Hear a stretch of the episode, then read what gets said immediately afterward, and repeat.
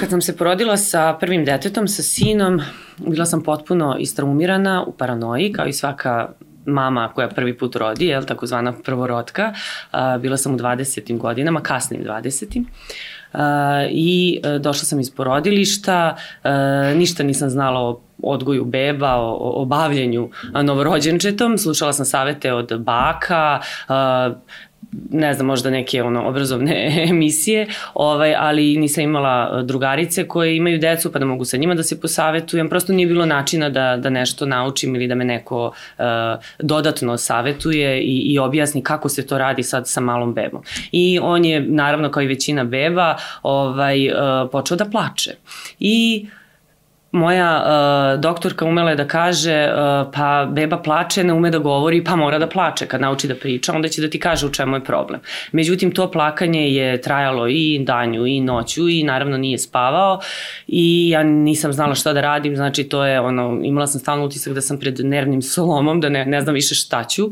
Ovaj, I desilo se da naravno sve slabije jeo jer je slabo spavao, pa je bio nervozan, nervozan je on, nervozna sam ja, nervozna je cela kuća. I, ovaj, I ja tako odlučim da uvedem disciplinu, da ga ovaj, ostavim da on tako malo plače, da ne trčim odmah da ga nosim, jer su mi uporno govorili na navikavaj dete na ruke, nemoj da ga nosaš, stalno ga nosaš. I onda ga ja tako pustim malo pa mi bude žao, pa odem pa ga ipak uzmem, pa sledeći put ga pustim malo duže, pa ga opet uzmem, već tamo negde treći, četvrti put odlučim ja onako da budem čvrsta ruka i da da ga ostavim da, da plače malo duže dok on nije utihnuo nekako i, i krenuo sam da spava. Uh, I ja sam tako bila ponosna na sebe što sam naučila bebu da, da spava sama, da se sama uspavljuje. Uh, međutim, kasnije sam čula da to baš i nije tako dobro i da uh, te metode mogu da imaju neke posledice. Nažalost, ovaj, kasno sam za to čula, on je sad već veliko dete, već dugo nije beba, ovaj, um, ali uh, od naših današnjih gos, gošći u podcastu Mamazjanija, um, Anđele Jerinić, i samo da ne pogrešnim, uh, koja je sertifikovani trener spavanja za decu od 0 je, od nula godina što kažu, od prvog dana do, do sedmog meseca. A, ne, ne, inače, do sedam godina do, do 7 godina, izvini, inače je uh, i koleginica negde, naučni novinar i od Jovane Budime uh, koja je terapeut u edukaciji telesnoj i trauma, jesam dobro rekla, a inače i lingvista. Uh, možda ću, možda ću uspeti da, da čujem ovaj, gde sam ja to možda i pogrešila, a, šta me sad očekuje sa detetom, a nadam se da ćete i vi nešto pametno čuti i, i e, naučiti i da ćete ih poslušati ovo što one imaju da kažu, pa recite mi da li sam napravila neku grešku. Anđela, šta ti misliš? Pa, s obzirom da niste znali, ne može se reći da je u pitanju greška sad. Nakladna pamet, vama konkretno ništa ne bi, to jest tebi ne bi uh, značila i što se kaže nad prosutim mlekom, sad ne treba plakati, ali eto, hvala Bogu danas znamo više. Je, i polako u Srbiji počinje da, da raste taj nivo svesti po pitanju te to što si ti uradila se zove kraj out metoda ili kod nas u narodu poznato kao ostavi ga da plače dok ne zaspi sam. Uh, i zaista što je ono, neminovno ta metoda uh, daje efekte beba ili dete kreće da spava samo i pretpostavljam da si ti time sebi rešila problem, uh, ali danas je kroz konkretno trening spavanja to sve moguće ostvariti uh, uz mnogo manje plakanja i bez te da kažem traume koju dete proživi kada nema prosto ma majku pored sebe da ga uteši, da ga uzme, da ga umiri i da pomegne detetu da postepeno nauči da spava samo. Jer ako ste do tad svako večer ga recimo držali na rukama da bi zaspalo i to ne možete ga sad odjednom spustiti u krevetac i, i ostaviti ga da. samog, već je potrebno postepeno da ga uzimamo sve manje i manje, da i tako to se radi jako, jako postepeno i onda deca nekako to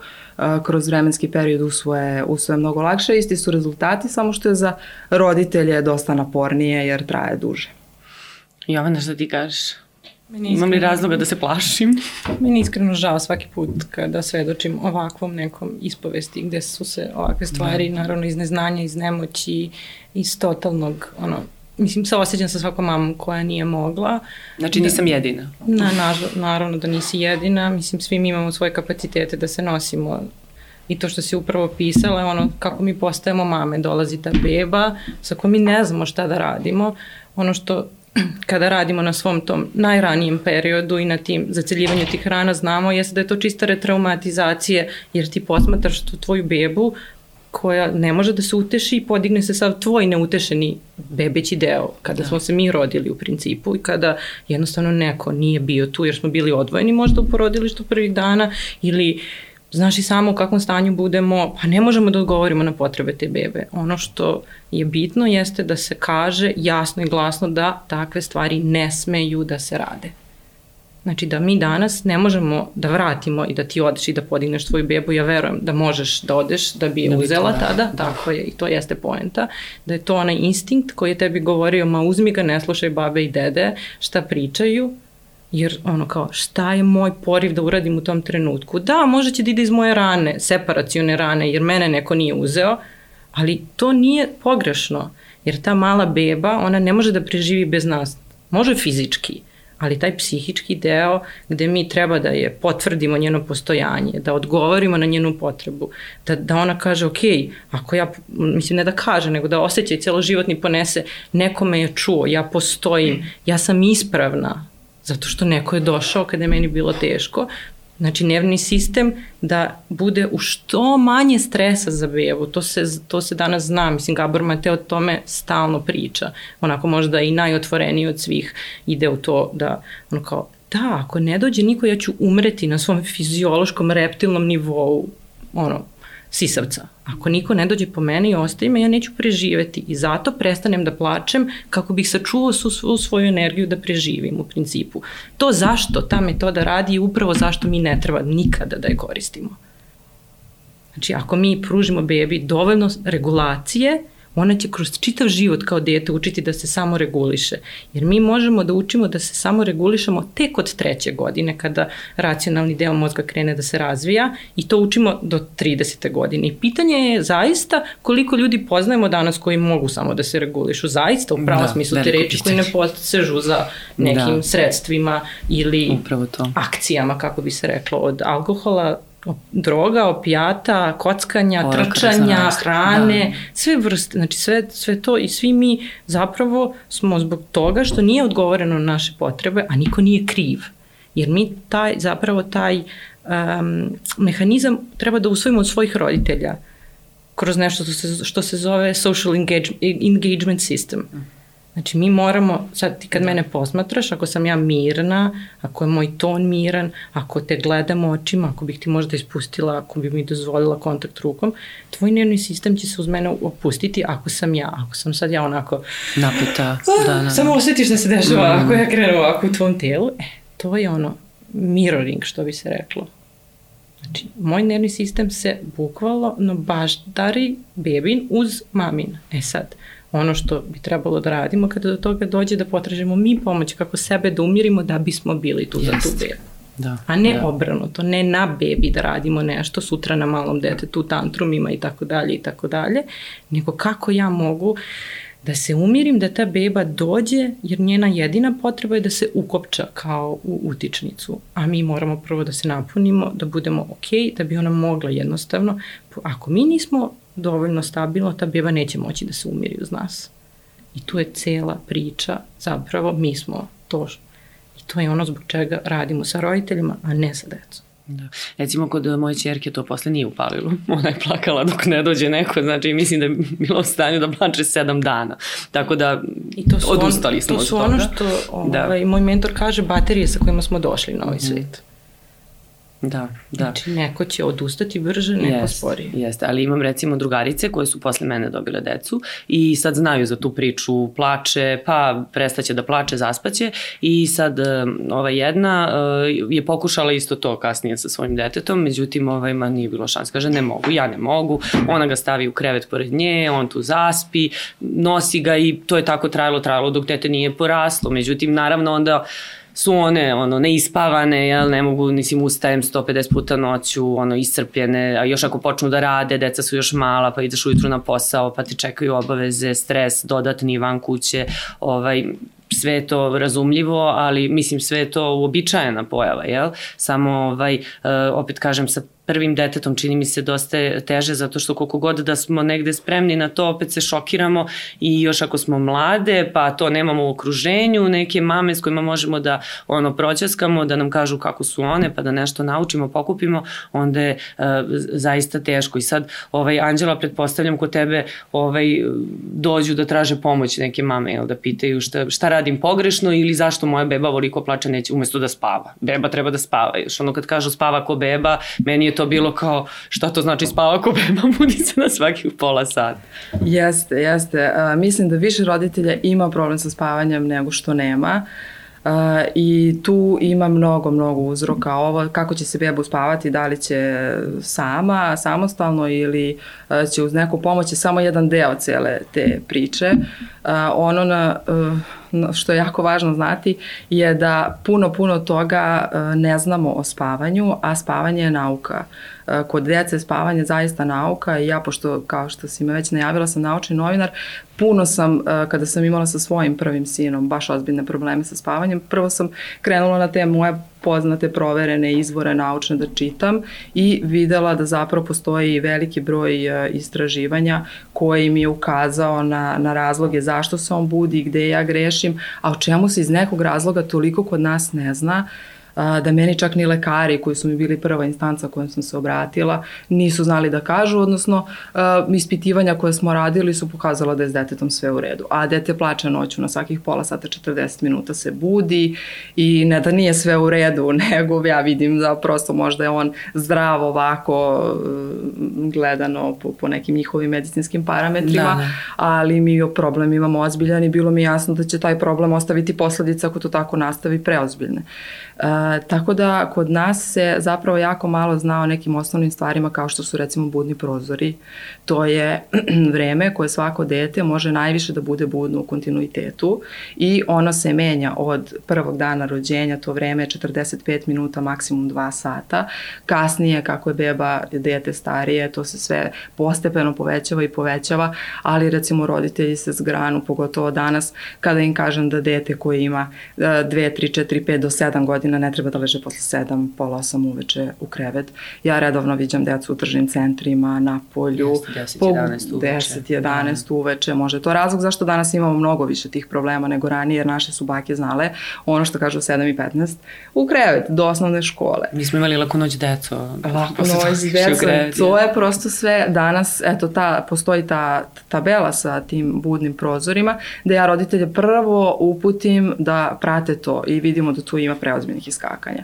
Da dete koje ima 6 meseci ne bi smelo da bude budno više od 3 sata maksimum i to u idealnim uslovima bude budno po 5-6 sati. Tako dete je u premoru.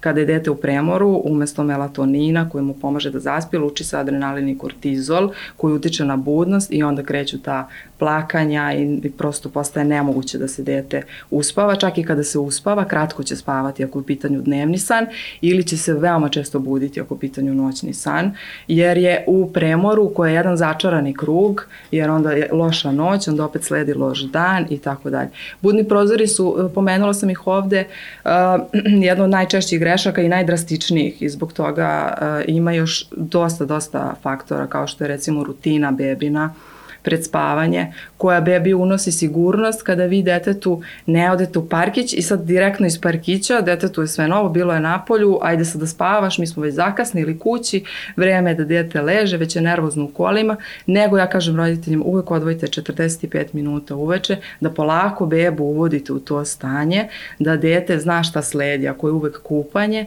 pa posle toga neka pričica, pa dojenje ili večera, pa neko maženje, pa tek onda sve to u nekom zamračenom ambijentu, onda detetov organizam stigne da se pripremi, kreće da se, kreću da se luče hormoni, da. da, i deca se za to neverovatno vezuju. Evo ja sa svojim sinom koji sad stariji ima dve godine, ako preskočim uveče mi imamo rutinu večera, pa posle toga peramo zubiće, oblačimo vrećicu i ide pričica. I sad kasno umorni smo i preskočimo tu pričicu, to je drama, jer on je toliko vezao tu pričicu za spavanje, da prosto to mora da se ispoštuje, mahar to bilo dva minuta pričice, ali njima to to mnogo znači, ali muliva sigurnost kada znaju šta sledi i onda i taj san nekako dođe prirodno i ne bude im traumatičan, aj sad toko je bilo nekih stimulansa spoljašnjih, e sad ti lezi spavaj.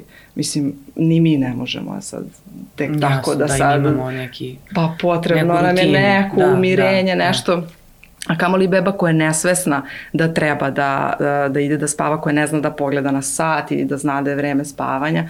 Tako da, eto, ima tu još stvarno puno stvari i, i pratiti i te da, znake umara kod bebe. Da, da, tako da. da.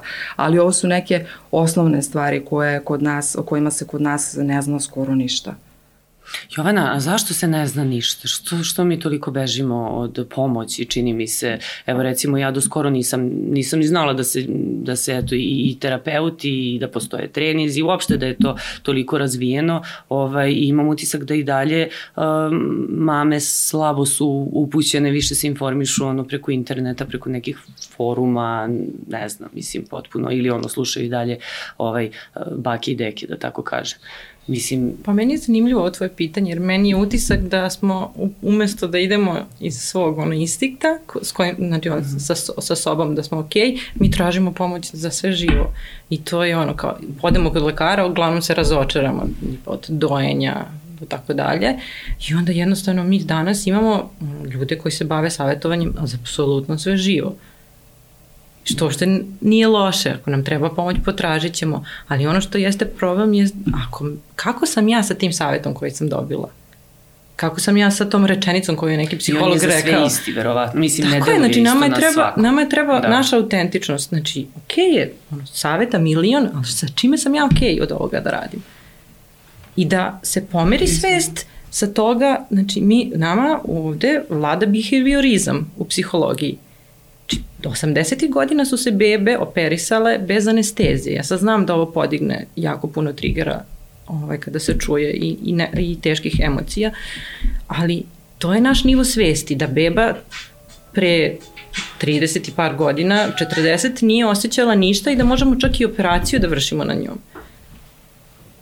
Znači, beba dolazi totalno čista, totalno zavisna od nas da bi preživela. I mi moramo jednostavno da nađemo način da odgovaramo na njene potrebe kako ćemo sebi da pomognemo. Znači, ne moramo da budemo mame koje će i da kuvaju, i da spremaju ukrasne tanjiriće, šarene za hranu, i da vežbamo da imamo posle porođaja odmah ravne stomake, i da, ne znam, nam kuća bude sređena. Bude sve savršeno. Da, mi gledamo taj Instagram i onda imamo, ne znam, pratimo ovu koja se bavi fitnessom, ovu koja kuva zdravu hranu, koja uređuje tanjiriće, ovu, i onda jednom bude, ajmo, ja sve ja to treba pitam, da budem. Dakle, vre, vremena za Da, to je samo jedan segment. Da. To je samo jedan segment. Mi ne znamo šta je iza tog kadra. Ako sam slikala, ako smo slikali sad ovo, niko ne zna šta se nalazi iza. Sa druge strane. Tako je. Da, Može da. da bude ono, da se širi veš, a ovde da. ono, uređena beba. Da. Znači, mi treba jednostavno da, da spustimo kriterijume da tražimo pomoć. Što opet nije za svakoga uopšte opcija.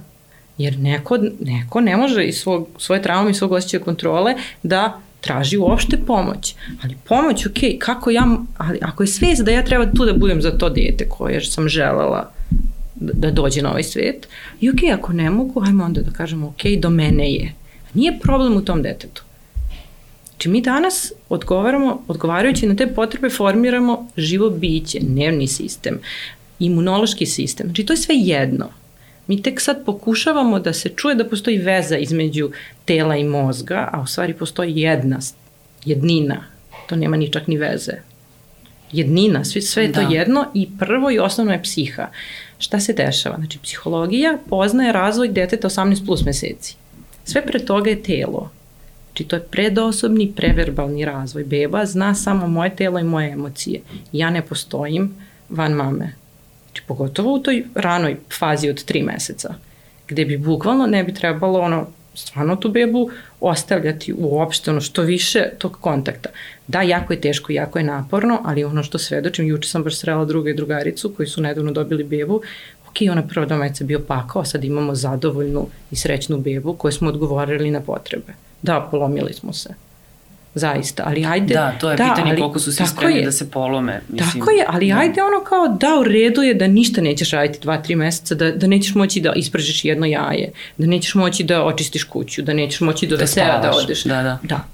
Ali to sa spavanjem, ono kao spavam kao beba je najveća moguća da, zabluda, da, jer mi imamo da. reklame, bebe normalno ne spavaju, bebe se normalno bude, bebe idu u regresiju spavanja sa 4 do 6 meseci, či beba se stimuliše, beba preživljava noću, pa i mi sami kad sanjamo, to je naša yes. podsvest koja da. nešto, koja Živi. nešto odigrava. Da, da, da. I samo me vrati u mir dovoljno milijardi puta da sutra mogu sebe da vratim. To je jedino. Ne postoji pogrešan način da se umiri dete.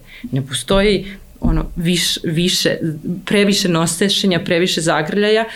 Ok, postoji u onom trenutku kad se mi namirujemo na detetu. Znači, ne puštam te jer sam ja, nisam dobro ako sam, da, što je da, da. užasno štetno, naravno. A opet, gde je ta granica? To, to, to mislim, doći do jako toga je stvarno potrebno da. jako puno terapije da osvestimo šta zapravo radimo. Pa gde greše mame najviše? Pa ne bih rekla greše, mislim kako jednostavno Ili koje, principu... ajde kažem, prave neke korake koje možda možemo sad da, da objasnimo, da, da isprave šta je to ono što... Ono što ja primećujem jeste da jedan deo roditelja ostaje u ovom, kao što su naši roditelji. Jer nivo svesti se promenio po proteklih 50 godina, ali kod određenog broja ljudi. Imate roditelje koji ono, ništa mi nije falilo i mene su moji tako, ja ću tako idem, yes. vozim po autopilotu. A imamo ovaj deo koji, ja kažem, nama je stvarno najteže, jer mi pokušamo da damo našoj deci nešto što nama neko nije dao i nemamo odakle. I čitamo šta treba i osjećamo se grozno zbog toga što ne možemo, dok zapravo mi na terapiji ne zacelimo svoje da možemo da budemo tu za to dete. Jer ona odgovori na emocije, kako da odgovorim kad, kad se meni sve se moje podiglo, želim da to ugušim u detetu, jer ja ne mogu da se nosim sa time. Ja želim da ono prestane da plače da. jer se u meni da, sve raspada. Učiniti ono, da. Ali to što se u meni raspada je ono moje neutešeno. Da je neko uvek došao i Prigrlio. uvek, da. ali bukvalno da. taj safe container, ja ću sad malo izvinjavam se, engleski ovaj nekad koristiti, znači da ono, da osetim da sam tu. Znaš ono, kad, kad osjećaj taj punine naše yes. tela, to dolazi u tom ogledanju mene, ako ja sad vidim, wow, vidim tvoj osmeh, kako, kako, kako ti je ono osjećaj, ako te pogledam, ako, ako osjetiš da sam tu, Da, da, pa to ono što si malo prepomenula, Tako odmah je. te smiruje, odmah te vraća, te vraća. na neku I to je ono bukvalno bebi stanje. koja, da. ok, udahni, dva, tri minuta, ja kažem ono, ostavi bebu na sigurnom, idi, vrisni, udari jastukom o krevet, pusti tu emociju koja, ok, za, zagrli svoje malo dete, sebe unutra, koji, koji vidiš da se nešto podiže. Hoću da kažem, šta sam počela sam da, da kažem da taj deo, taj deo koji su svesni roditelji, oni tačno mogu da posmatraju kako su oni prošli u ranom detinstvu kroz svoju decu. Često se dešava kao da ono, počinje da se podiže svašta negativno na bake i dede, kako oni to reaguju, kako, kako mi nismo ovako plakali, kako se mi nismo ovako bunili, kako mi nismo imali tantrum. Nije ni bilo opcije za to. Da. Nije zato što, nego nije bilo opcije, to su bili uslovi, mislim, ne daj Bože, da pričamo o 90-ih ratovi gde si ti kao beba već znao da, da ne smeš da, da pustiš da, glas, da, jer da, da, ne daj da. Bože nešto će se desiti, beža, mislim, a to je sve tu, nije to, to tamo neki da, film, da, da, da. to smo mi, to su naše generacije, to su naši roditelji, ne pričamo bakama i dekama, oni su nas podizali, njihov nervni sistem je naš kalibrirao, uticao na naš. I to je sad ono, pre, preduboko i, i, i teško za pogledati i stvarno je, ja kažem, često na svojim terapijama i radionicama kažem, brate, M svoje, M dečije, šta je ovo, kako? Ne može bolje. Ono, kao saosećino prema sebi za sve što ne možemo da uradimo i kao, ajde šta danas mogu bolje, kako mogu sebi na kraju da bih bio, ono, kao da napunim taj rezervoar iz kog ću davati. Mislim, generalno za sve odnose. Ali možda je problem i u tim nametnutim uh, ne mogu da kažem šablonima, ali prosto tim načinima uh, ponašanja, načinu života, gde ono, uh, kada ovakve stvari se pominju, često će neko reći, pa dobro, to što si sad rekla baki deki, kako su naše bakije, kako su njihove bakije, koje su, ne znam, živele na selu, ima i ono kao porodila se, pa otišla da skuplja seno ili da zakuva ručak, a mi sad kukamo, plačemo, treba nam, ne znam, pomoć za ovo, za ono, za sve živo, ove, ali prosto stalno mora da se ponavlja da su i okolnosti bile drugačije, mislim, da danas na zapadu majka posle, recimo u Americi, ako i dalje važi taj zakon, tipa dva ili tri meseca posle porođaja već se vraća na posao, znači ona mora da bude spremna za to da ostavi uh, svoju bebu ili da prestane da radi. Ali kako su te ovaj, deca, čiji su mame? Upravo znači, to, mi ako da, ćemo da, da, da. gledamo kao oni tako, ajmo sad i mi, ne, ajmo da zastanemo, pogledamo kako su te deca danas, kakvi su to ljudi, ako baš gledamo Ameriku, kako je njihovo stanje, psihičko, ono kao, znamo da su gojazni, na primer, znamo da su, ne znam šta, mislim, uopšte ne želim, ne znam ništa, niti želim da bilo šta u tom pravcu, ali kao, da li koja je posledica toga? Šta želimo da ostavimo? Šta mi je bitnije? Znači, meni je lično, znajući koliko je bitno da svoje deci dam tu bazu, bilo bitnije to nego sam moj posao. One koji sam gradila pre dece. Znači, bukvalno, ok, ovo ide na pauzu. Jeste, bit će tu, sačekat Te tri godine, četiri prve, stvorit ću bazu da sutra, ne daj Bože, ne mora dete, a opet vrlo dobro znam šta nisam mogla, šta nisam dala, šta, na šta nisam mogla da utičem. I danas mogu da gledam to dete sa posledicama i da ono kao, ok, izvini, što tada nisam mogla, sad mogu, evo sad sam tu, šta ti sad treba sad od mene? Spremna, da, I da, da zbog da. toga reaguješ. Ne čekaš 30 godina kasnije na terapiji da saznaš šta ti se desilo, jer se čutalo i ajde da se to potisne i da da se o tome ne priča, da. proći će naravno, nego da, to ti se desilo. Porođaj je bio takav, bilo je to posle toga prvi par dana, ja sam bila u takvom i takvom stanju prvi godinu dana, Imam dva deteta potpuno različita i tačno znam zbog čega. Ok, da, naravno, oni svi dođu s nečim svojim, nismo mi ni za sve odgovorni i ne možemo sve da prekinemo, pogotovo taj transgeneracijski, to kad sam malo zagrebala, onako mi je dalo, Oduška. ja ne mogu sve da prekinem. Ok, oni će nešto, imaće u tome upravo zadovoljstvo ovo danas. Da, to je normalno. Da, i potreba da se proširi, da se kaže, da, da ljudi čuju. Ok, ko ne može, stvarno odbrane su tu da nas zaštite i ne treba ih probijati ni dirati. Znači, ok, ne možeš da čuješ, neću te, tu sam, šta god da ti treba. Da, da. Mislim, i ono, to je tako jednostavno, odbrane su tu, ne daj Bože padnu, to onda postane veliki problem psihički. Mnogo veći kasnije, da. da. Ove, a, a, šta ti kažu roditelji uglavnom, mislim, kad dođu? Pretpostavljam svi se žale na bebu koja plače, jel? E, Žale se na nespavanje.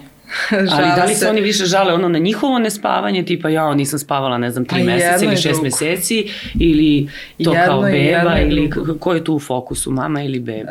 Um, I tata naravno, mislim, cela kuća. Pa uglavnom roditelji koji dolaze kod mene, e, teško im je samima sa sobom, što su neispavani, ali jasno im je da je za dete to jako, do, jako loše. Tako da, em što su oni umorni, em što su zabrinuti za dete, i jasno im je da, da, da nešto nije u redu sa, sa detetom, tako da jedni i drugi tu pate. Jel to svima pristupaš manje više isto ili Ne. su to, to su ima i individualni Ne, ne, ne, to problema, uh, sa, sa svima p- pristupam drugačije, Mhm. jer je uh, svako dete drugačije i zahteva drugačiji pristup. Evo ovo sad što smo čuli da psihologija pre 18. meseca ne poznaje ličnost. Ja se trudim, imam neke upitnike da otprilike dobijem uvid kakav je karakter u pitanju. Možda psihologija ne pozna, ali evo ja vidim po svojoj deci da oni pokazuju i tekako neke karakterne crte, uh, čak i moja beba koja ima sada 8 meseci, od prvih dana drastično drugačije od uh, prvog deteta i, i vidim nekakve tendencije i onda gledam da i to uzmem u obzir kada se radi sa detetom, jer uh, uglavnom izrazito osetljiva deca a, imaju velikih problema sa spavanjem.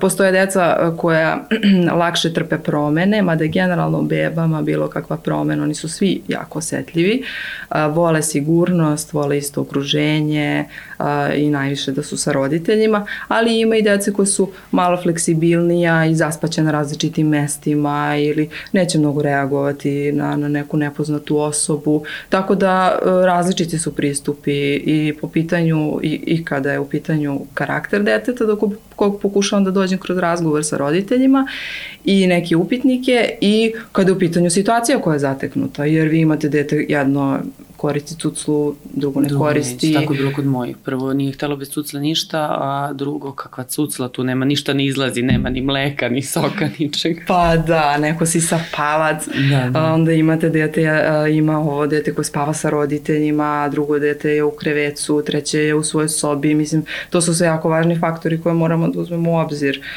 Naravno i stepen znanja s kojim roditelj dolazi, ima roditelji koji su vrlo dobro informisani i o budnim prozorima, i o rutini, i o okruženju u kom bi beba trebalo da spava, ne haotično bučno okruženje, nego mirno, tiho, danju, noću, um, jer upravo se slažem s ovim da dete, uh, da, mu, da dete tu prosto ako ste već hteli da dođe na ovaj svet, a, treba mu pružiti i žrtvovati se u tih prvih, pogotovo par meseci, a ja bih rekla i prvih pet godina. I podrediti dečijem ritmu, što je jako naporno za, za majke, tako da a, pogotovo kad su male bebe u pitanju, pa sad da treba da spava ne znam koliko puta dnevno, 3-4 puta dnevno i na sve to svaki put ja kažem treba da, trebalo bi da u krevecu, trebalo bi da u svojoj sobi, poznatom okruženju, trebalo bi da je mrak, trebalo bi da je tišina, kaže pa kako da mi bude tišina, ceo dan 16 sati dnevno spava, poludeću, mislim, ceo mi se život svodi samo na, na dečje spavanje.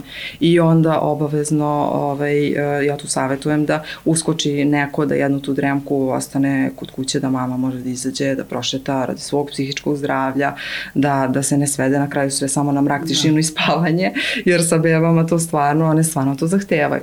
Tako da je potreban tu jedan balans, ali uh, kažem zavisi i od tog stepena s kojim znanja s kojim majke dođu. Meni je interesantno da mi se uglavnom javljaju uh, majke koje puno znaju o spavanju, a i dalje imaju... Su došle na master, da malo usavrše Ne, i dalje imaju probleme, da, da. Tako da, eto, uh, rekla bih, jako mi se svideo komentar jednog tate s kojim sam radila skoro, koji je završio i koji mi je rekao, tokom ove dve nedelje osjećao sam se sve vreme kao da igram partiju šaha.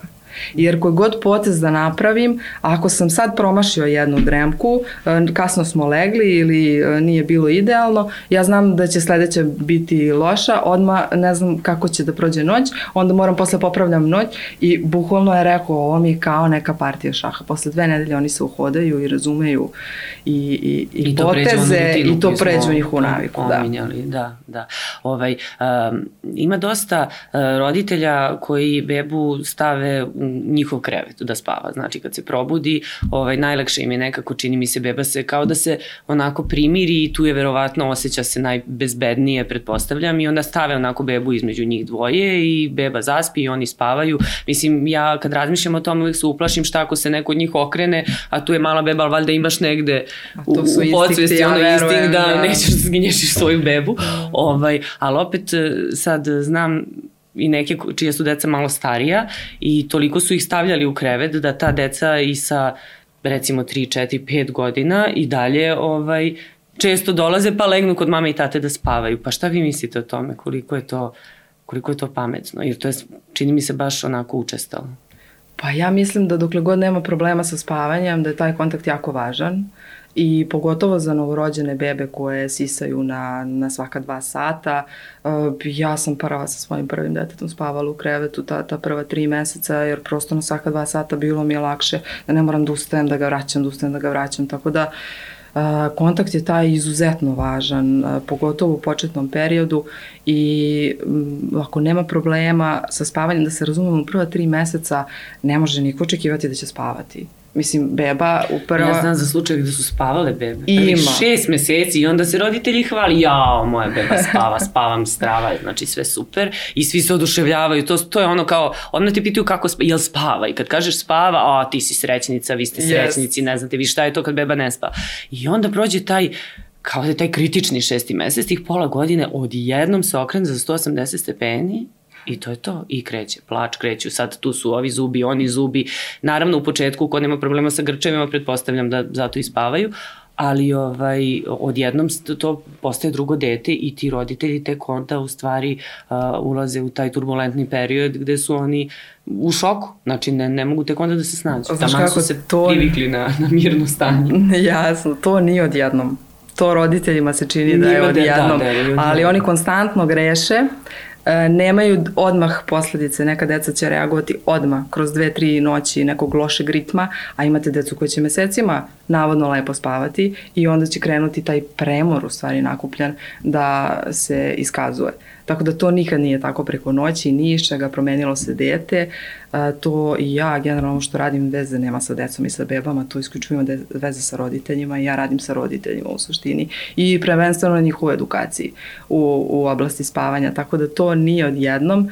A, puno tu ima a, stvari na koje treba obraćati pažnju na vreme i zato um, volim jer trening se ne radi pre četvrtog meseca, ja ga ne radim. Držim te radionice za, za roditelje do, do četvrtog meseca gde im ukazujem na neke savete kako da od početka uspostave dobre navike detetu, uh, da kasnije ne bi odjednom došlo do nekih problema. Da. Da, da. Ovaj, a Jovana, šta tebe najčešće pitaju? Zašto, zašto ti se obraćaju roditelji? pretpostavljam mame najviše. Pa, e, nekako se taj, e, e, dolaze svesni ljudi uglavnom sa nekim pitanjima. Ovaj, uglavnom ono dođu da vide gde greše, šta se dešava, kako mogu drugačije i bolje, što je ono u startu već mnogo lakše. Da. A da li možemo nekako da saniramo te posledice mi koji smo napravili određene Neke stvari će deca morati da rade sami mm -hmm. i moramo jednostavno ili ćemo u krivici da se da, da se ono, ugušimo ili ćemo da, da kažemo ok, nisam da. umeo bolje. Ali ono, bitno je znati neke stvari sa čime ljudi dođu na terapiju kao odrasli ljudi. Jer ono, ja imam dva deteta, jedno je onako spavalo kako je spavalo, posledica traume. Znači imamo visoko senzitivne decu, imamo decu sa traumama porođenih, imamo bebe koje su, da koje su odvojene da, da. bilo od mama. Znači te bebe neće spavati. Kažemo imamo i grče, posle tri dana nisu to grčevi. To je ne, neutešeni plač. I mi ako ne, ne budemo tu decu uspavljivali, ono, dojili ako možemo na zahtev, ona će ostati ono, u tom stresu koji će oblikovati celo, celo njihovo biće i funkcionisanje sutra. Moje mlađe dete je prestalo spava nakon vakcine, tog dana. Spavala 11,5 sati noću, ja sam zvala pedijatra da pitam, izvinite, ja sad, ovo, sad se već brinem, onako, bukvalno ustanem i stojim pored nje. Nije mi jasno. Četiri meseca do prve vakcine, koja je za njen nervni sistem tada bila previše, u tom trenutku, pošto nema veze sa, sa, sa vakcinama, bilo šta da se desilo, da, nego da se desi neka, da, da. Ne, neki događaj mogu da se desi. Znači, možda ne, ne gledamo spekt, šta se nama desilo? Da li mi je, ne znam, desila se neka trauma, neko je umro, nestao mi je pas, na primer. Um, to su sve bitni događaji koji su na mene kao mamu regulatora uticali. Uh, takođe, ono što ljudi dođu na, na terapiju često i kažu, ona rigida mamina Znači sve mora u mm, toliko doručak, u da. toliko da. ovo, u ovo. Gde, sam, gde je tu ona, gde je ljubav, gde je kontakt, gde je veza? Znači, da li ću ja, ako se ja lepše osjećam, stavit ću tu bebu u nositku, spavaće koliko god tih dremki treba da ima, nikad nije bilo problema, dok su deca, neće biti problema sa spavanjem, njem garantujem, i sa plakanjem neutešnim, dok se ne prevaziće, dok se neki deo ne namiri.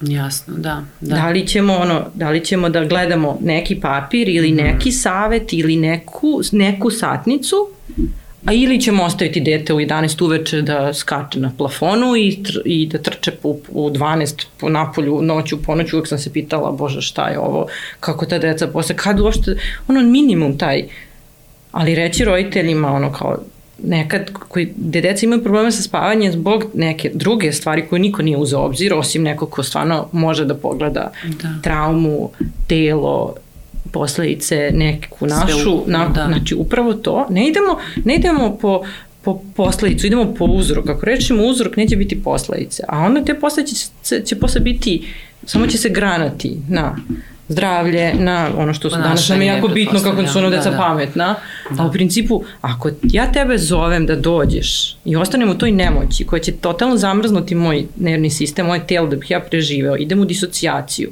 koja me sutra vodi u totalno smrzavanje, kad god je nešto i, i malčice strašno smrznuću se da bih preživeo, to će pokvariti moj nervni sistem koji će uticati na razvoj žlezda sutra, mislim, osjećaj nemoći ok, da li ja mogu sad uzmem da čitam ovo? Ja ne mogu.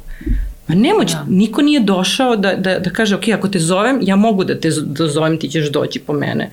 Šta god bilo u pitanju, pogotovo to spavanje, ono, kad sa 4-6 meseci uglavnom ide ta regresija spavanja. Ja se sećam koliko sam čitala o tome kad je moje dete prvo pre, počelo da se budi, što se ovde deš, te zubi, te ne znam, te hrana. Da uvijek je neko opravdanje. Te mislim, jedi ono kad uveče, ali ljudi, to su ja, saveti, daj, zub, tako zub, je, je, smućkajte im pirinčanu kašu uveče da bi bolje spavali. Kažem, ok, ako ja pojedem kilo pečenja pred spavanje, kako Da. ću da spavam, ako pojedem salatu, kako ću da spavam. Znači, to su sve opet neki saveti, sve nešto, ajmo da vidimo šta, šta je zaista ovde. A ne da, ne da vršimo opet nad detetom. Da, meni su neke- donosili neke homeopatske tabletice iz Nemačke. nešto, Tako je, ja sam to kaže, uz- ovo ti je tako je, u kojoj je bilo ja lakto- gledam, Šta je ovo, mi daj malo i bebi. Ima ono i rak, Kao- rakija i mak. I to Da, da, da, savjetuje to su oni ono babski isto recepti kojih ima gomila, znači sve. Ali zašto to dete ne spava? Da. Ok, ono, Moramo da ja stvarno ti budni pitanje, prozori, da, sto puta da, sam da. ja ljudima rekla, vidite, ako se je dete premoreno, ne može da spava. Ja mom mužu uvek, oni krenu da divlju uveče, ajde samo sat vremena, molim te ranije. Ali to, znači, moja deta su spavala, više ni ne znam, bukvalno čija potreba je tad bila, a evo sada ovaj, mlađa i dan danas nekad prijeđe, to se tak, ona dođe jednom, ne znam, dva put nedeljno, na primjer, meni to naporno, jer ona jako je nemirna. I šta Da, sam ja da, uradila? Stavim između jastuk da na mene ne bi šutirala i objasnim je. Ovaj jastuk je ovde Dobra između ideja, nas, da, da. Ne, da, ne da zato što ti meni, nego ja jednostavno moram da, da spavam, ali ja ću tebe zagrliti razvališ preko vilicu, njega. da, da, da. Ja ću tebe zagrliti preko njega, ja sam tu. Znači nisam sad to stavila samo između nas. Da, da, da. Moram, da, ali ako, ako ide prvo, ja ću da se naspavam i bebu od, ne znam, 10 dana sam ostavila babi celu noć. Ajme ljudi, da, da shvatimo da od toga nema. Znači, ako ćemo biti roditelji, nećemo spavati i mnogo je strašno. Ja iskreno nemam još jedno dete upravo zbog toga, jer nemam kapaciteta za nespavanje, a ne idem da rodim još jedno i da ga istreniram i da ne znam šta uradim da bi ono spavalo, da bih ja imala eto, troje dece. A šta da kažemo mamama, recimo ja imam drugaricu, uh, njen sin je stvarno bio onako uh, ne, nemirna beba, da tako kažem. Znači, kad god dođem kod nje, on plače. Znači, on non stop plače i ona ga je non stop držala na, na rukama i pokušavala je gomilu nekih varijanti muziku da pusti, da mu priča, da stvarno je bila, mislim, brižna, no, ali i on je na kraju toliko plakao da je dobio onaj bruh, ono, mislim kažu da je to od plakanja, ja sad nisam pedijatar, nisam lekar, ovaj operisao je to, sve je prošlo okej, ali ovaj, uh, ona je stvarno radila sve što je mogla i umela, znači no, nije ga ostavljala, nije se sklanjala, uh, ne znam, mislim da je prvi put ono prespavao kod babe sa ono 4-5 godina, mislim, stvarno ga je stalno e, nosila. Šta da kažemo tim mamama koje su uvek tu za svoju bebu i, i ne vraćaju se na si? posao. Kako si ti? Misliš da njen, njen unutrašnji Kako osjećaj, da. Kako si ti? Ako je ona Kako nervozna, može- ako je ona... Kako da ne, bu- kako da ne bude napeta. nervozna ako dete non stop plače? Znači, Da. ok, ja imam kapacitet do neke granice i znam dokle već više ne mogu. Sa, sa klijentima imam nekad više kapaciteta nego sa decom, jer moje dete mi dira moje unutra.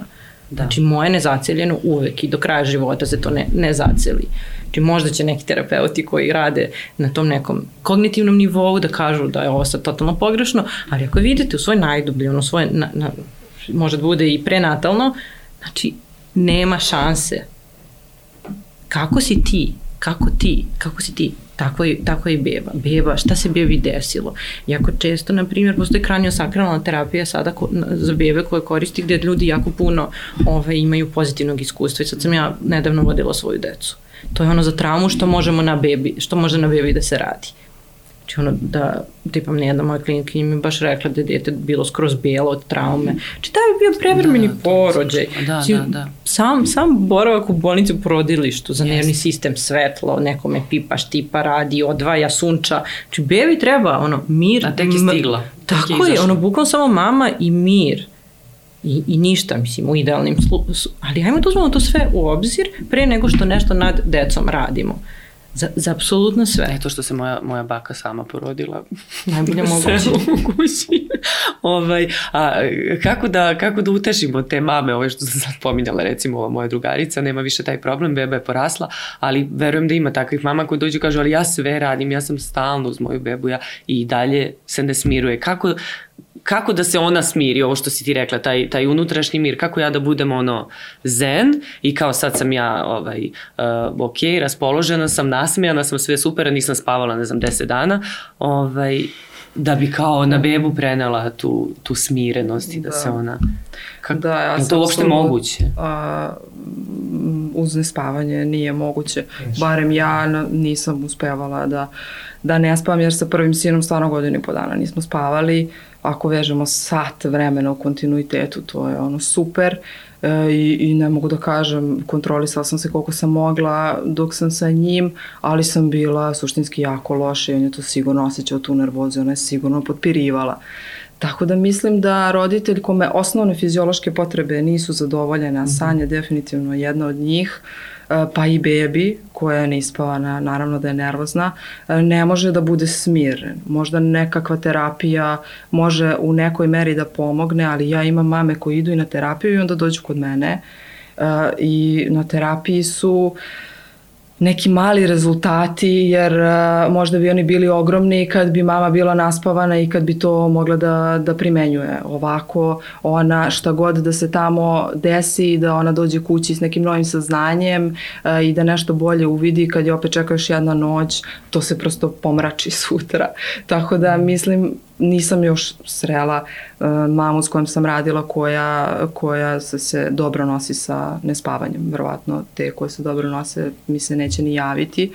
Uh, tako da mislim da je osnovno da bi mama bila smirena i da bi mogla da radi na sebi, da pre svega spava. I da bi dete bilo smireno uh, i zadovoljnije, isto tako mu je potreban san. Mislim da je to jedna onako ima osnovna ona, potreba. Da, ima ona čuvena poštapalica, ovaj, spavajte kad spava i vaša beba. Mene to izluđivalo, to moram da priznam. Jer kad moja beba zaspi, mene čeka haos. Pa da. Znači ja ne znam odakle da krenem, jel? I u kući, i ne znam, prodavnica, nabavka, Drugo, zove, javi se na telefon, odgovori na poruku koja stoji tri dana. Znači, sve to žurim da završim dok se ne probudi, ne znam da li će spavati to 15 minuta, pola sata, možda i 2 sata, možda i 3, ali ovaj, dok god spava, ja obavljam sve ostalo umesto da spava, možda bi stvarno trebalo ili trebalo je da, da dremnem bar malo ili da dam sebi oduška, pretpostavljam eto da popijem kafu ono, u miru, tišini, ako mi to prija, ako mi je to potrebno, koliko znači taj, da to kažem... Je, to je obavezno, znači ono, da se napunim da. da bih mogla. Ja sam sa drugim detetom, doduše kad sam taj deo kontrole i sve ja mogu sama i svoje traume negde dovoljno ovaj, odradila, svakog dana popodne išla da spavam. Ako ja ne odem i krenem tako nešto, moj muž bi rekao, ajde brzo sa njom na spavanje. Treba celu noć da dežuraš. Da. Znači, veš, haos, ništa nije bitnije, jer onda dođemo do toga da moramo nešto na detetu da uradimo ako ne radimo ovaj deo. Pitanje je bilo kako mogu da se umirim. Nažalost, da. bez drugog nervnog sistema teško. Mhm. Nemoguće, gotovo, osim u nekim, ne znam kakvim tehnikama koje opet uh, pitanje da li će raditi ili će samo podići traumu.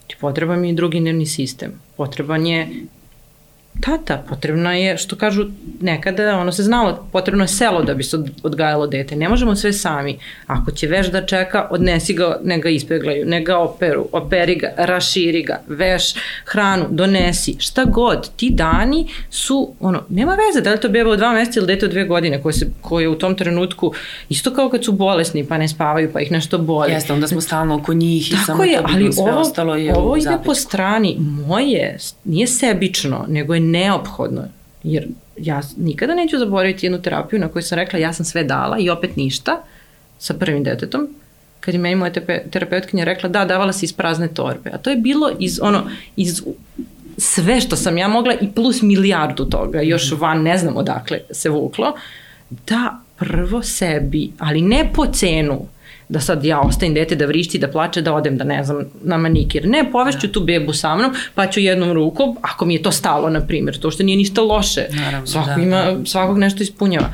Ali zaista, ono, kad kažemo psihoterapija, ja zaista ne, mislim uvek na telesnu psihoterapiju, na nervnom sistemu, gde kada mi na jednoj seansi do, dovedemo nervni sistem u mrvicu bolje stanje, to zauvek ostaje toj osobi, da ona to mesto može da pronađe i da mu se vrati kad je onako kako ne treba. Malo po malo učimo da idemo iz lošeg u bolje stanje, da se to umrežava, ono što nismo dobili, jer u principu e, cela problematika ljudskog bića je u tome što mi emocije ne mogu da prođu kroz nas. Znači da se one podignu i da prođu. To će ovi neki reći. Posmatrajte talas, da. posmatrajte voz. Da, sve negde posmatram, ostaje, da ništa nije toliko strašno, samo se zaglavi. Zaglavi se jer nije prošlo, a da bi prošlo mora neko da bude tu, da drži prostor, telesno, Da. prostor i energetski i da to prođe, da se ne bi zagušilo negde. Sve što se začepi je sutra boli me, idem na masažu,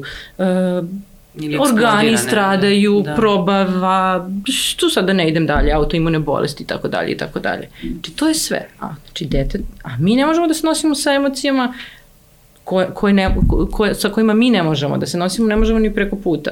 Znači dođi, ono, uvek budi tu. Kako? I u krajnjem slučaju, e, mama koja nije dobro, ona je koregulator. Takva kakva jeste. Je mnogo bolja opcija nego da nije uopšte tu. Naravno. Ali da. sa svešću, ok, sad meni treba pomoć. Ok, nema nikog, to je onda... Kao, ajmo da zamislimo da je neko tu. Kakva je ta osoba? Jer često ljudi dođu na terapiju i da nemaju tu jednu sigurnu osobu pored koje su se za ceo život osjećali sigurno. Ajmo da zamislimo kako bi bilo da je ta osoba tu. Naš limbički mozak to može da, da doživi, da, se, da, da, da oseti. Često nam treba godine da nas neko vodi kroz to da bismo, nema, nema ništa magično, to su celoživotni obrazci koje mi danas treba da, da, da menjamo. Uh, uvek se setim jedne priče, to jest situacije, ovaj, nešto smo radili, neku reportažu u, u domu za nezbrinutu decu i uh, ima deo gde su bebe, ovaj, onako podsjeća na porodilište. Ovaj, I neka bebica je plakala, plakala, znači stakla su pucala koliko plače. I sad ja pitam ove žene koje rade tamo, pa zašto ga neko ne uzme, zašto ga, znaš, malo ne utešite. Ma uzimamo ga, kaže svako malo, evo sad rade nešto drugo, pa nema ko, pa doći će uzeć, ali ne vredi, on traži mamu. Tako. Koliko mi je to bilo jezivo. Da. Koliko sam ja mačići i kučići u Znači. svom životu takvih onih napuštenih ponela iz tog mesta. Da, Jer da. to je ono prirodno, dođi da te Da, da, uzme. da, Mi nema da. ništa loše u tome. To je to. Apsolutno. Ali kaže, nikad. kogod da ga uzme, Tako on se ne smiruje, on, on čeka svoju mamu. Mislim, mama, nažalost, ne dolazi iz ovog jednog razloga, ali hoću da kažem... onda će te prestane, u jednom trenutku će sve, odustati. da, I da, onda će da. tražiti partneru i sve ono što smo pričali, kako da se regulišemo, gde da se ukopčamo. To je celoživotni program. Ovaj, eh, htela sam da vas pitam sad koliko je, sad ovo možda za buduće mame, jel, za trudnice, da ih ovaj, posavetujemo unapred, koliko je bitan taj prenatalni period uh, i u trudnoći i uopšte ono što si pominjala ti uh, na samom, mislim, posle porođaja mi ne možemo da utičemo na to ako smo u bolnici pa ne, nam ne donesu odmah bebu ili je donesu Možemo sutradan da uveče kad se mama tražimo. oporavi. Ovaj, pa ima ih, ja sam recimo, znam za slučajeve gde su bile u fazonu, ja moram da se odmorim, mama, pa do, donesite kasnije, što je meni bilo neverovatno, ali ovaj, dešava se. Uh, koliko su ti, ti prvi momenti i momenti pred samorođenje bitni, da li, koliko to ima veze sa, sa kasnim ponašanjem?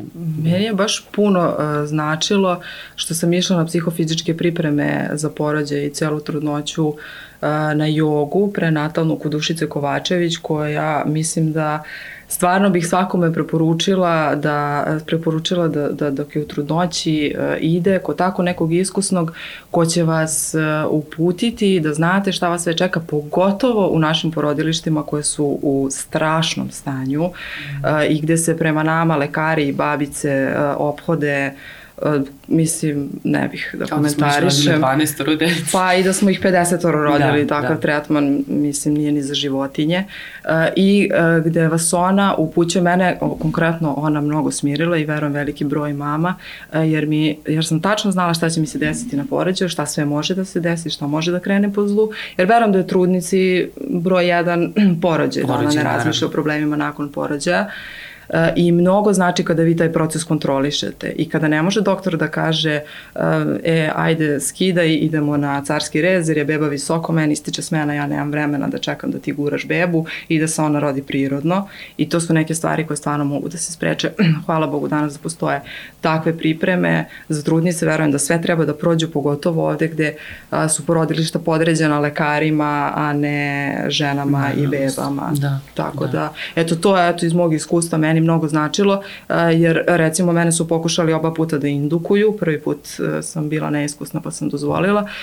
Desilo mi se tako da mi je prvi porođaj bio traumatičan, drugi put me nije interesovao ko je taj lekar i on je mnogo poznat i mnogo je važan, mm -hmm. nego to I je zna moje najbolje. dete. Da. Da. da, u stvari je to njegova smena bila. E, tako da i ona je bila tu da mi kaže, slušaj, tebe niko neće da indukuje, to je tvoje dete, to je tvoje telo, ti ćeš da se porodiš kad, kad ti to osjetiš, kako ti osjećaš da sve u redu, da je sve sa bebom u redu. I meni su, mislim, te reči toliko značili porođaj bio potpuno drugačiji od prvog porođaja koji je bio uh, nasilje.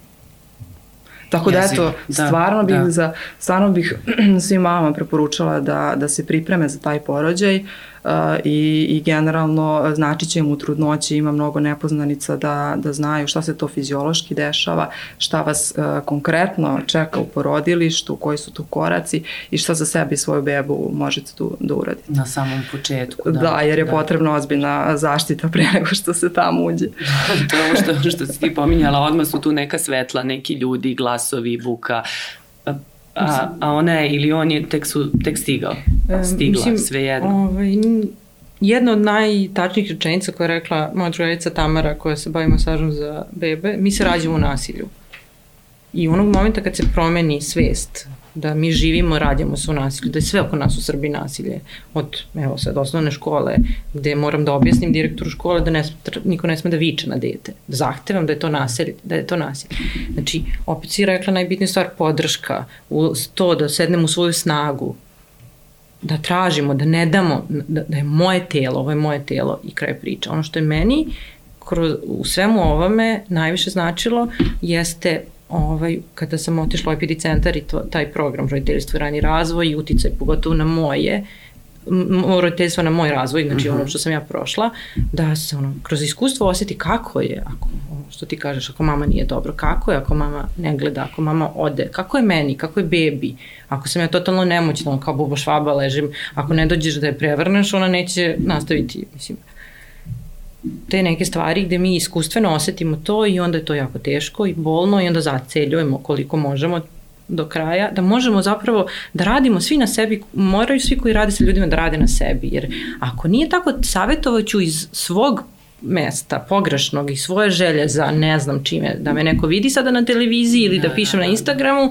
ili zato što meni moja mama nije dala nešto pa sad ja sam ljuta na sve mame na ovom svetu da, i hilj, da, da. Mislim, tu ima puno, puno ovaj, razloga zbog kojih ćemo raditi stvari, isto kao ti lekari što su iz svog ega tu i mislim ono, želja za viđenjostošću, naravno, yes. ovaj, najviše i postaju lekari, oni na, na, koji treba najviše da čuju, ne mogu to da čuju baš iz tog mesta i to je naj, najstrašnije i da. najbolnije u svemu ovome. Da. Zato se sve više žena i ovaj, odlučuje za kućni porođaj. I to su najlepše iskustva koja smo Da, ali porodilište bi trebalo da budu naj, najbezbednija, najsigurnija, najlepša mesta ali na nisu, svetu, jer tu dolaze nisu, novi da, životi. I onda kad ne očekujemo to, onda je još veće traume, jer ne znam šta me je snašlo, pregazio me voz, ne znam šta yes. mi se desilo. Yes.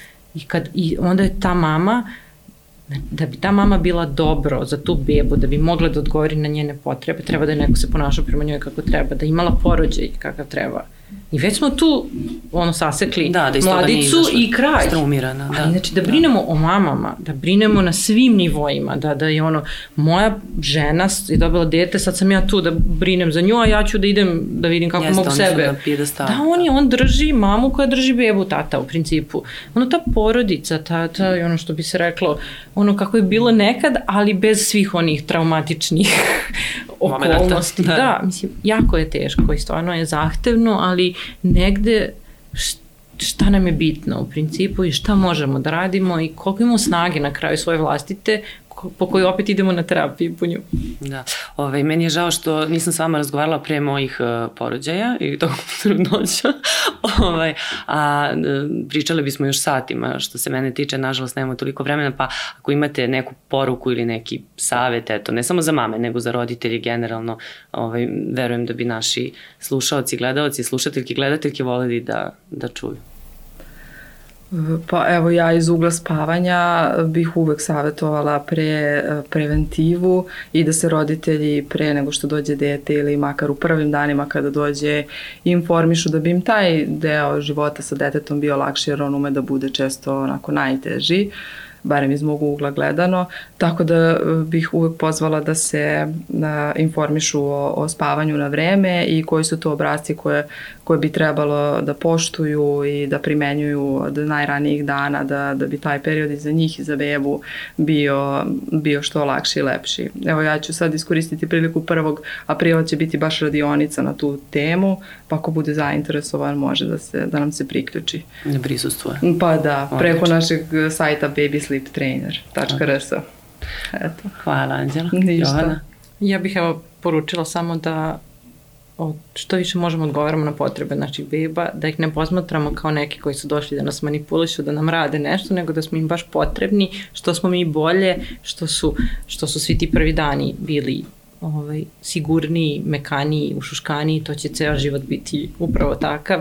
E, slušajte sebe, svaki savet, svaku rečenicu, provučite kroz vlastiti filter. Ako ne čujete taj glas u sebi, ajmo da vidimo, vidite zašto ga ne čujete, čiji su to glasovi koji dolaze iznutra, što bi se reklo, da, ono, da li je to unutrašnje. O, super ego u principu, što je Freud govorio, ne mislim na neke halucinacije. Ovaj, poslušajte to, da. to u sebi, sva, sve i ono na kraju krajeva, što ste vi bolje, sve će vam manje trebati bilo kakvih saveta. Ja sam, od kad radim ono, baš terapiju, ja ne znam, par možda knjižica o roditeljstvu. Pre toga sam ih iz traume gutala, zapisivala, podlačila, ne znam šta sve nisam radila i opet to nisam mogla da sprovedem jer kad me dete okine, čao, džaba šta je ko rekao da ne treba da radim. Ajmo da idemo, zašto se to desilo, šta, šta, šta ja mogu da promenim, ne, de, ne na detetu, nego ono kao, zašto, zašto dete plače, zašto dete, o, zašto, kako mogu drugačije i bolje da budem tu za njega i kako ja mogu da budem bolje. Da. Hvala vam na ovim rečima, savetima, uputstvima, moram tako da ih nazovem. Ovaj, nadam se da ćemo se videti još koji put u Mamazijani. Hvala i vama što ste bili uz naš podcast. Mama! Mama!